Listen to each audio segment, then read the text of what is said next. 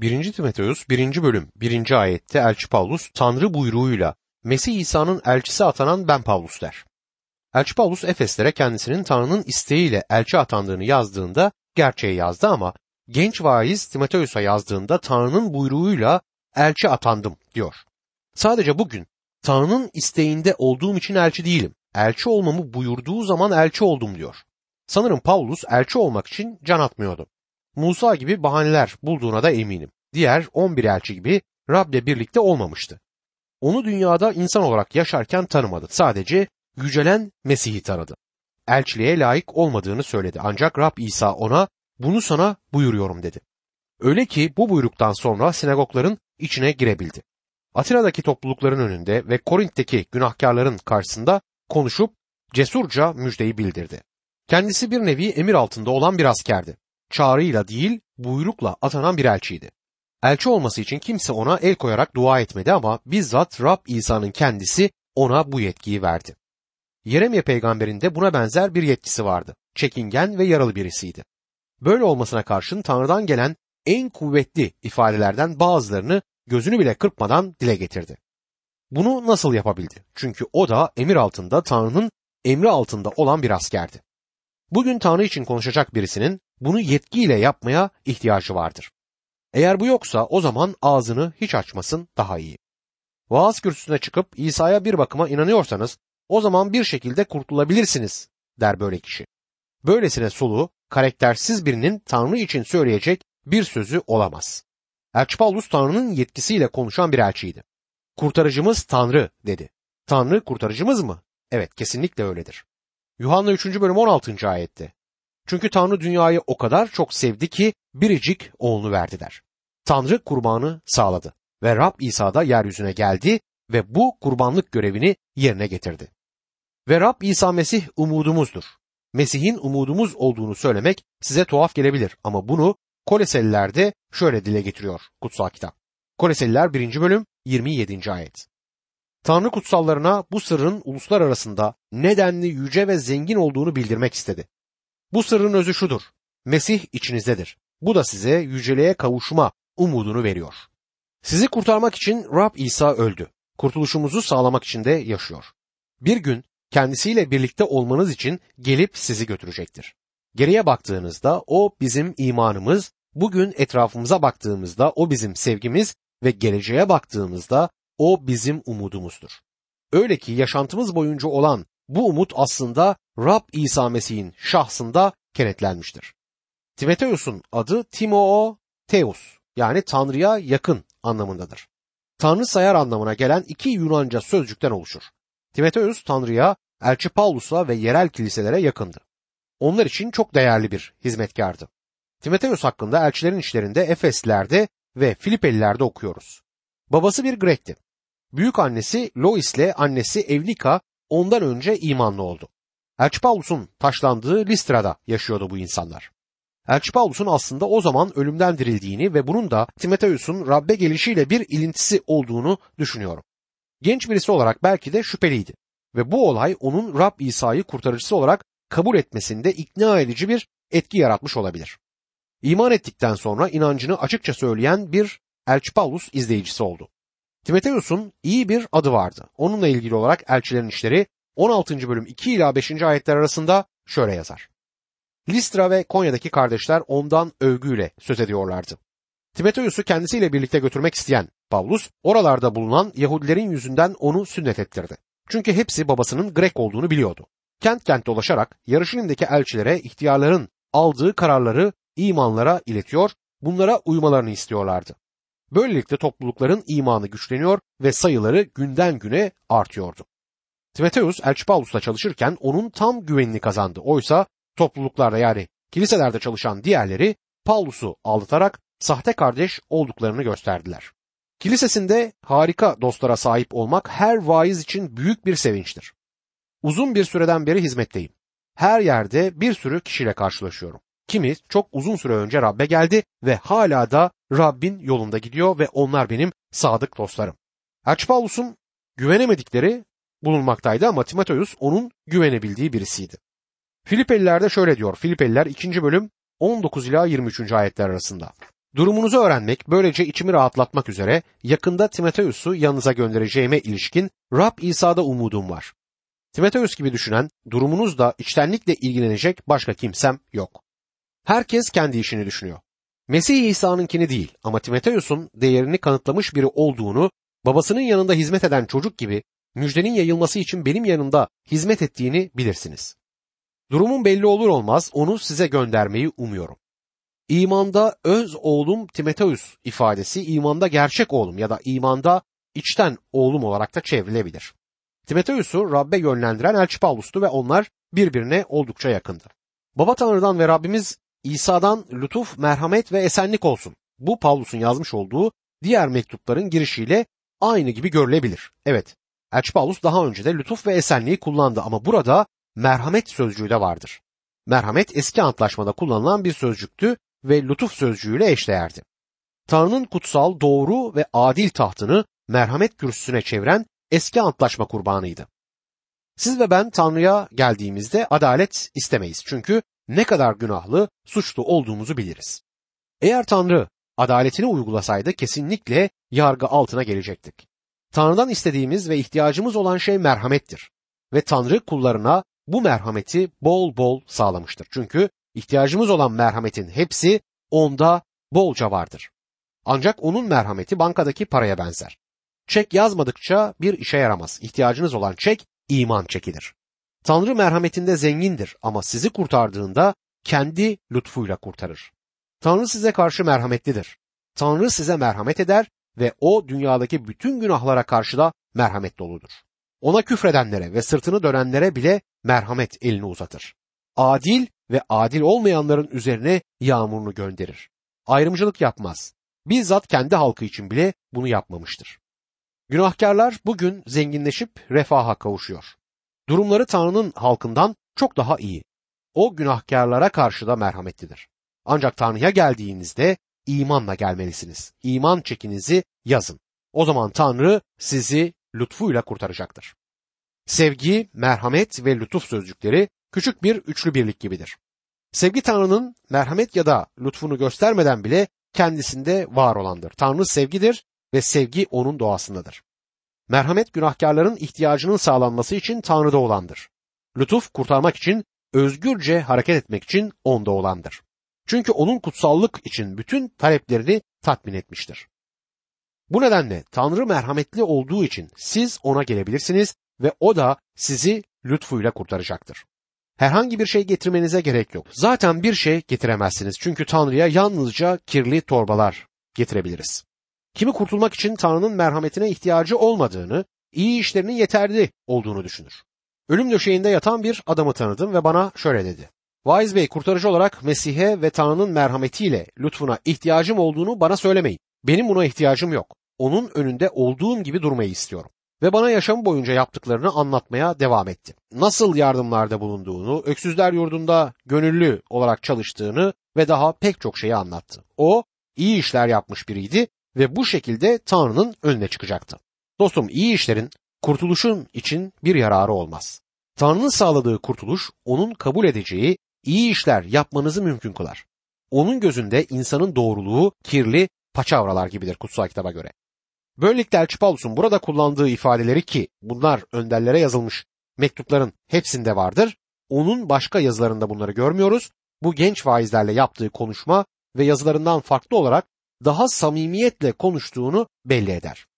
Timoteus'un yerinde olmak, Elçi Paulus'la seyahat etmek ve böylesine önemli bir elçinin duygu ve düşüncelerini size açmasını ister miydiniz? Evet dostum. Tanrı'nın ruhu buradadır ve o bize Elçi Paulus'un Timoteus'a yazdığı mektubun aracılığıyla konuşur. 1. Timoteus kişisel olmasına karşın yerel kilisenin işleriyle ve imanlardan oluşan bedenin toplumda kendisini yansıtması konularıyla ilgilidir. Ve burada izninizle şunu söylemek istiyorum. Her imanlı bir yerel kiliseyle beraber olmalıdır. Baba Tanrı Paulus'un babası Timoteus'un babasıdır ve Mesih'i kabul ettiğinizde sizin de babanızdır. O benim babam. Çünkü Mesih'i kabul ettim ve Tanrı'nın ailesine kabul edildim. Bu çok büyük bir ayrıcalıktır. Elçi Paulus bir ferisiydi ve Yahudilikte hiçbir zaman Tanrı'ya baba deme ayrıcalığını yaşamamıştı. Rabbimiz Mesih İsa diyor. Yerel kilisede yapılan herhangi bir şey Mesih'in adı ve onun buyruğuyla yapılmalıdır. Kilisenin başı odur. O Rab'dir. Rab İsa niçin beni ya Rab ya Rab diye çağırıyorsunuz da söylediklerimi yapmıyorsunuz diye sormaktadır. Bugün birçoğumuza aynı şeyi söyleyebilir mi? Yargı gününde birçok kişi ona Ya Rab, Ya Rab biz senin adınla peygamberlik etmedik mi? Senin adınla cinler kovmadık mı? Senin adınla birçok mucize yapmadık mı diyeceklerini ve kendisinin de onlara sizi hiç tanımadım. Benim hanımla ne yaptığınızı bilmiyorum çünkü benim isteğimi hiç aramadınız. Bana boyun eğmek istemediniz diyeceğini söyledi. Evet uyarılar çok nettir. Ona yalnızca Rab dememiz yetmez. Ona Rab olarak boyun eğmemiz de gerekir. Bu mektupta sahte öğretilere karşı net uyarılar vardır. Bu mektubun yerel kilisenin imanını açıklaması ve tavrıyla ilgili olduğunu söylemiştik. Tavrınızın doğru olmasından önce iman itirafınızın doğru olması gerekir. Yanlış düşünüp doğru hareket etmek hemen hemen imkansızdır. Bir keresinde biri bana şu şikayette bulundu. Kavşakta bir kadın şoförün elini pencereden çıkarması bir şey değil ama ne yapacağını bilmemiz gerekir dedi. Çünkü bazen sağa bazen de sola sinyal verir ve bazen de sağ sinyal verip sola döner dedi. Üzücü olan şu ki insanın yanlış düşünmesine karşın doğru hareket etme çabasına girmiş olmasıdır. Dostum bunu uzun süre devam ettirmek mümkün değildir. 1. Timoteus 1. bölüm 3. ayette Makedonya'ya giderken sana rica ettiğim gibi Efes'te kal ve bazı kişilerin farklı öğretiler yaymamasını, masallarla ve sonu gelmeyen soy ağaçlarıyla uğraşmamasını öğütle diyor. Bazı kişilerin aykırı öğretiler yaymasını engelle diyor kısaca. Başka bir deyişle sağlıksız, sakat, çürük öğretiler öğretmesinler ve yaymasınlar diyor. Elçi Paulus Galatyalılara başka bir müjde olmadığını yazmıştır. Oradaki Yahudiler başka bir müjdeyi öğretiyorlardı ama Elçi Paulus başka bir müjde olmadığını söyledi. Tek bir müjde ve tek bir öğreti vardır. Öğreti kilisenin öğretisini belirtmektedir. Yerel kilisenin öğretişi peki ne olmalıdır? Başlangıçta olan da aynı olmalıdır. Pentekost gününün ardından kendilerine elçilerin öğretisine adadılar diye yazdılar. Bu kiliseyi niteleyen dört şeyden birisidir. Birincisi elçilerin öğretisi, ikincisi birlikte toplanmak, üçüncüsü dua ve dördüncüsü de Rabbin sofrasıdır. Bunlar kilisenin görünen dört parmak izidir. Bir kilisenin öğretisi elçilerin öğretisi değilse o kiliseye kilise demek mümkün değildir. Kutsal yazıları farklı yorumlamamızın bizi bazı öğretişsel antlaşmazlıklara götürdüğünü görüyorum. Bir keresinde önemli bir vaizde öğle yemeği yedim. Hemfikir olduğumuz konulardan, görüş ayrılığımızı oluşturan alanlardan konuştuk ve gördük ki bazılarının sandığı gibi çok büyük farklılık yok. Yemeğin sonunda bana o kadar çok konuda hemfikiriz ve temelde de aynı görüşü paylaşıyoruz ki bu nedenle aslında temeli oluşturmayan konulardaki farklılıklarımız bizi ayırmasın dedi. Böyle hissetmesine çok sevindim. Maalesef herkes benim gibi düşünmüyor ama düşünenler de var. Ne var ki imanın gerçek temeli olan elçilerin öğretisine sarılmalıyız. Elçiler kutsal yazıların sözsel esinini Tanrı'nın sözünün doğruluğu ve yanılmazlığını öğrettiler. Ve Mesih İsa'nın tanrılığını öğrettiler. Bizzat bu mektupta Elçi Paulus'un Rab İsa Mesih'i ne kadar yücelten bir görüşe sahip olduğunu görüyoruz. Onun Mesih'in tanrılığını öğretmediğini söyleyenleri duydum. Elçi Paulus'un bu konudaki görüşü gün ışığı gibi ortadadır. Mesih'in tanrılığını net bir şekilde öğretmiştir. Bu bölümde bile Baba Tanrı'dan ve Rabbimiz Mesih İsa'dan derken Mesih'i hemen Tanrı'nın yanına koyarak açıkça onun tanrılığını dile getirir. Sana rica ettiğim gibi Efes'te kal diyor. Paulus Timoteus'u Efes'e bırakmıştı. Kendisi de Makedonya'daydı. Efes önemli bir kentti ve Elçi Paulus orada diğer yerlerden daha çok vakit geçirdi. Aynı zamanda orada büyük bir hizmeti de oldu. Timoteus Efes'te kalıp farklı bir öğreti öğretmeyecekti. Kilisenin öğretisi doğru değilse o kilise değildir. Orada ne kadar çok gözetmen, ihtiyar, vaiz, tapınma önderi olsa bile bunun eğer öğreti doğru değilse bir önemi olmaz. Eğer orada öğreti yoksa kilise de yoktur. Öğreti de elçilerin öğretisi olmalıdır. 1. Timoteus 1. bölüm 4. ayette bu şeyler imana dayanan tanrısal düzene hizmet etmekten çok tartışmalara yol açar diyor. Masallarla uğraşma ya da mitleri bir kenara bırak. Efes dönemin gizemli dinlerinin merkeziydi. Bu büyük merkezde Hadrian, Tarajan ve Diana tapınakları bulunmaktaydı. Hepsi de Efes'i merkez olarak seçmişti. Bunların hepsi Grek mitolojisine dayalıydı ve Efesli imanlarında bunlardan sakınması gerekiyordu. Elçi Paulus'un gönderme yaptığı masallar ya da mitler büyük bir olasılıkla Pilo'nun felsefesini ifade edebilir. Pilo eski antlaşmayı alıp ruhanileştiren zeki ve seçkin bir İsrailliydi. Diğer bir deyişle mit görüşünü öne sürmeye çalışmıştır. Bu görüşü bazı batılı okullarda görüyoruz. Örneğin yaratılış kitabının bir mit olduğunu ve oradaki insanların aslında hiç yaşamadığını bu insanlar öğretir. Oysa yaratılış kitabının gerçek olduğunu gösteren o kadar çok arkeolojik bulgu vardır ki bu yanlış öğretiyi yayanlardan ki ben onlara liberaller diyorum tüm bu kazılara ve arkeolojik sonuçlara rağmen geri adım atmışına benzemiyorlar. Sonu gelmeyen soy ağaçları. Bu kilisenin Yahudiliğin bir devamı olduğunu, soy ağaçlarının birbirini izlediği gibi sahte öğretişe gönderme yapabilir. Böyle bir öğretiş İsrail'in konumunu ve Tanrı'nın programdaki kilise konularında büyük bir karışıklığa yol açtığını görüyoruz. O zaman Grekler de Demurk diye bilinen bir öğretiyi öğretmekteydiler ve bu öğreti kilise içinde agnostizm adlı ilk grubun bir parçasını oluşturdu. Tanrısal bir merkezden çıkanlar olduğunu öğretmekteydiler. Özgün bir yaratık ve onun altında yaratılan başka bir yaratık ve onun yarattığı başka biri gibi devam eden bir soy ağacı sinsilesiydi bu öğretiş. İsa'yı bir şekilde bu yaratıklardan biri olarak ellerindeki bu soy ağacına yerleştirmeye çalışmaktaydılar. Bu şeyler imana dayanan tanrısal düzene hizmet etmekten çok tartışmalara yol açar diyor. Başka bir deyişle Elçi Paulus Timoteus'u bu çeşit sahte öğretişlerin imanı teşvik etmeyeceğini söyler. Bugün Batı dünyasındaki pek çok kilisede yılların inançsızlığının meyvelerini görüyoruz. Özünde tamamen imandan yoksun, kalpsiz bireyler ortaya çıkardı bu sistem. Tanrı'nın sözünü reddettiler ve toplumlarında bunun inanılmaz şeylere neden olduğunu şu anda biz bakıp görebiliyoruz. 1. Timoteus 1. bölüm 5. ayette ise bu buyruğun amacı pak, yürekten, temiz vicdandan, içten imandan doğan sevgiyi uyandırmaktır der. Pak yürekten doğan sevgi. Elçi bu genç vaize yazarken sevecen bir dil kullanır. Burada kullandığı samimi dili onun kiliselere yazdığı mektuplarda görmüyoruz. Timoteus'a kilisede öğretilen öğretinin pak yürekten doğan sevgiyi oluşturmasını öğütler. Pak, temiz, yürek eski doğamıza aykırıdır. Bu Mesih'te doğru sayılmış bir kişiyi ve sevgi de dahil olmak üzere ruhun meyvelerini sergileyebileceğini ifade eder. Kilisede olması gereken üç şey vardır. Birincisi iman. Tanrı'ya ve onun sözüne imandır. İkincisi sevgidir. Sevgi yalnızca her zaman vaazda lafın gelişi konuşulan bir şey değildir.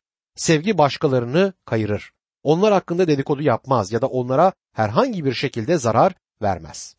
Vaizlerinin hizmetini yok etmek için elinden geleni ardına koymayan bir kiliseyi biliyorum. Söylemedikleri tek şey onun Tanrı'nın sözünü öğretmediğiydi. Gerçekten Tanrı'nın sözünü bu adam öğretiyordu. Buna rağmen yine de onu Tanrı'nın sözünü öğretmemekle sonunda suçladılar ve aynı zamanda sevgiden bahsediyorlardı. Bu ne büyük bir ikiyüzlülüktür. Sevgi yalnızca konuşulan değil, gösterilen de bir şey olmalıdır. İman kilise yaşamında yaşanmalıdır ve sevgi de aynı şekilde kilise yaşamında yaşanmalıdır. Kilisede bir yönetime ihtiyacınız olacak ama bunun nasıl bir yönetim şekli olduğu büyük bir fark yaratmaz. Ancak imanla sevgi yoksa orası yoz bir kulüpten başka bir şey olamaz. İmanla sevgi görülüyorsa yönetim şekli çok fazla önemli değildir. Bir kilisenin yaşamında görülmesi gereken üçüncü şey ise temiz vicdandır. Vicdanın bir imanlı için bile olsa iyi bir yönlendirici olduğuna inanmıyorum ama yine de bir imanlı temiz bir vicdana sahip olmalıdır. Gece yatağınıza yattığınızda o gün içinde kötü bir şey yaptınız mı ya da söylediniz mi bunu düşünmelisiniz. Birçok duyarlı imanlı böyledir. Bir gün birisi telefonda ağlayarak bana sizinle ilgili olarak söylenmesi gerekmeyen bir şey söyledim. Umarım beni bağışlarsın dedi. Bu konuyla ilgili hiçbir şey bilmiyordum ama o kişi bütün gece bu yüzden uyumamıştı. Hassas bir vicdana sahip olmak iyidir. Birçoklarının vicdanı iyice nasırlaşmış durumda. Doğru ya da yanlışa karşı duyarsız. Bu üç nokta sevgi, temiz vicdan ve iman. Yerel bir kilisede imanların yaşaması gereken önemli olan üç şeydir. İşte Elçi Pavlus bunun altını çizer. 1. Timoteus 1. bölüm 6. ayette ise bazı kişiler bunlardan saparak boş konuşmalara daldılar diyor. Boş konuşmalar, güzel sözler, anlamsız konuşmalar, süslü püslü bir dil anlamına gelir. Sizi yağlayacak, sırtınızı sıvazlayacak insanlar vardır ama sırf bunun pek bir anlamı yoktur. 1. Timoteus 1. bölüm 7. ayette kutsal yasa öğretmeni olmak istiyorlar ama ne söyledikleri sözleri ne de iddialı oldukları konuları anlıyorlar der. Elçi Paulus gerçekten lafı abiyane tabirle gediğine koyar. Açıkçası hatalı öğretişte bulunup da bunu bir de kendilerine güvenerek yapanlar olduğunu belirtir. Tanrı'nın sözünü reddederler ve aslında ne dediklerini kendileri bile anlamazlar. 1. Timoteus 1. bölüm 8. ayette yasayı özüne uygun biçimde kullanan için yasanın iyi olduğunu biliyoruz diyor. Elçi burada imanları sahte öğretişe karşı uyarmaktadır. Genç Timoteus'un bulunduğu Efes'te bol miktarda bulunan gizemli dinlerden ve putperestlikten bahsetti. Eski antlaşmanın sadece bir mitoloji olduğunu söyleyen sahte öğretiye karşı da onları Elçi uyardı. Yasanın kurtuluş yolu ve kurtuluştan sonra kutsanma yolu olduğunu öğreten aşırı kuralcılara da bu ayetle yanıt vermektedir. Yasanın bir amacı vardı ama Tanrı onu bir kurtuluş aracı olarak vermedi. Yasa bizi suçlar, insana bir günahkar olduğunu ve bir kurtarıcıya ihtiyacı olduğunu gösterir. Yasanın altında dünyanın en iyi adamı bile tamamen suçlu olduğunu görecektir. Ama müjdenin en kötü adamı bile Mesih'e iman ettiği takdirde aklanmaktadır.